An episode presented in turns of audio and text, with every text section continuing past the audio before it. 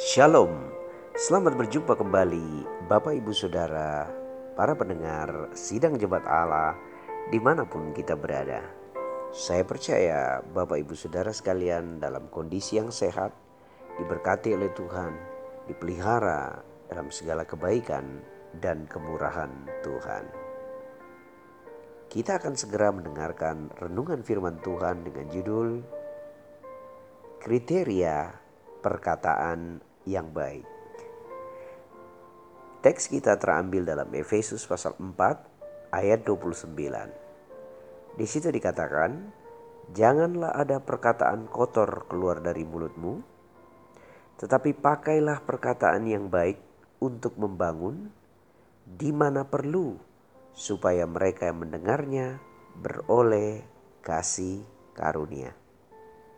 Nah, Bapak Ibu, para pendengar yang dikasih oleh Tuhan Yesus, hari ini kita perlu belajar untuk menggunakan perkataan yang baik. Nah, mungkin banyak di antara kita berkata, perkataan yang baik yang bagaimana Pak? Supaya saya tahu menggunakan kata-kata saya. Dan supaya kata-kata saya ini dapat menjadi berkat bagi banyak orang. Nah Bapak Ibu Saudara, Teks kita hari ini mengajarkan kita ada tiga kriteria perkataan yang baik yang apabila dikeluarkan itu sangat memberkati orang. Satunya jangan ya Bapak Ibu Saudara. Nah, apa saja ciri-ciri dari perkataan yang baik itu atau kriteria perkataan yang baik itu? Nah, yang pertama, Jangan ada perkataan kotor. Jadi jika Bapak Ibu ingin menjadi berkat bagi orang lain lewat perkataan, pertama mulailah belajar untuk tidak mengucapkan perkataan yang kotor. Nah, apakah maksudnya kotor di sini, Bapak Ibu Saudara sekalian? Maksud kotor di sini apabila diucapkan itu melukai hati seseorang, menghina seseorang, merendahkan derajat seseorang, dan menghancurkan reputasi seseorang. Menghina, merendahkan, menghancurkan, dan um, uh, mengucapkan kata-kata yang melukai perasaan. Nah, tolong Bapak Ibu bedakan, ada orang-orang yang terluka ketika kita nasihati ketika kita tegur untuk kebaikan. Nah, itu tentu berbeda. Kata-kata ini berbeda dengan nasihat. Kata-kata ini berbeda dengan teguran. Di sini dikatakan janganlah ada perkataan kotor.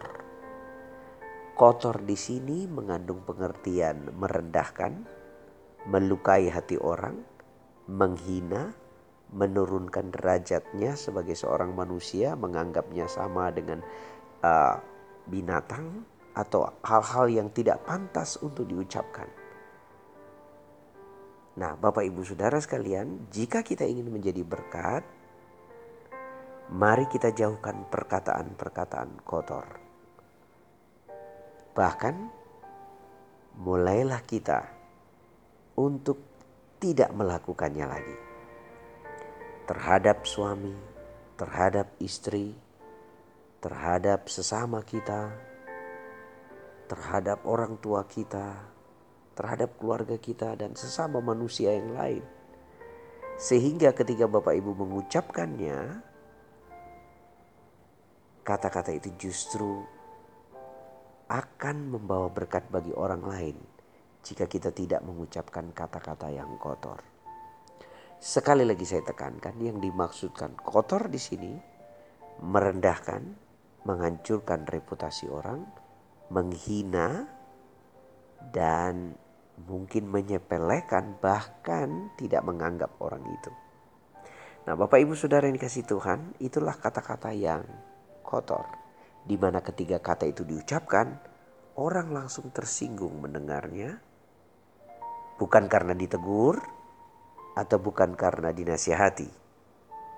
Ya berbeda Bapak Ibu Saudara. Jadi ciri pertama kata-kata atau perkataan yang baik adalah satu, jangan ada perkataan kotor keluar dari mulut kita. Yang kedua, tetapi pakailah perkataan yang baik untuk membangun. Nah, ciri yang kedua, perkataan kita haruslah membangun.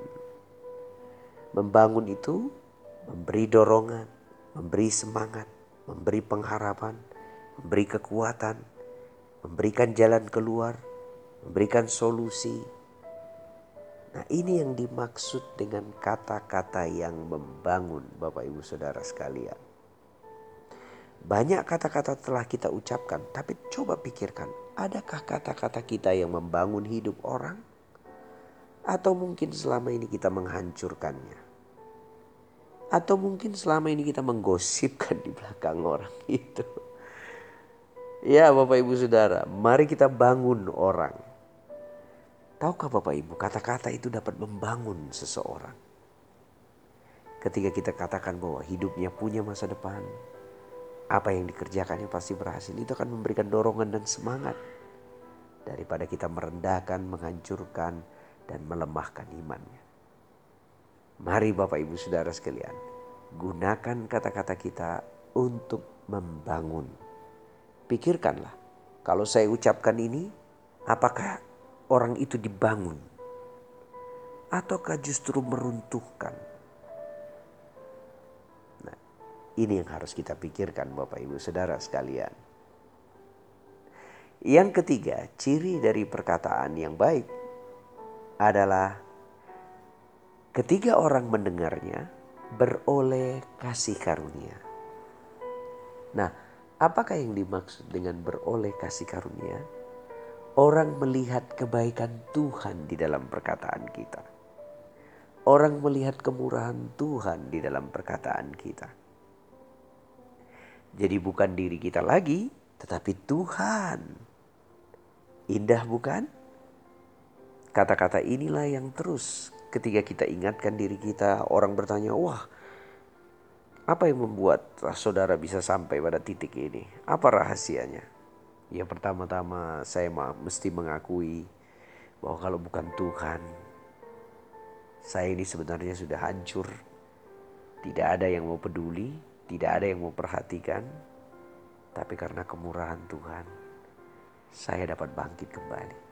Wah, orang akan dibangun, Bapak Ibu Saudara sekalian. Orang akan menerima atau beroleh kasih karunia. Nah, di zaman sekarang, orang-orang lebih mudah menanggapi pesan-pesan demikian secara positif daripada kita mendikte mereka atau menuntut mereka. Nah, ini yang paling serem, menghakimi mereka. Kita akan dapat umpan balik yang negatif tetapi ketika mereka melihat kemurahan dan karya Kristus yang begitu hebat terjadi dalam kehidupan kita, lewat perkataan kita, mereka akan terdorong untuk menerima kasih karunia. Nah, Bapak Ibu Saudara dikasih Tuhan, apakah artinya kasih karunia? Kasih karunia adalah pemberian yang diberikan oleh Allah di mana kita tidak layak menerimanya. Itu yang disebut kasih karunia.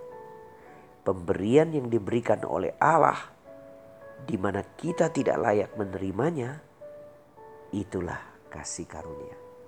Nah, ketika perkataan kita disampaikan, biarkan orang lain melihat bahwa apa yang telah kita alami ini adalah semua karena Allah.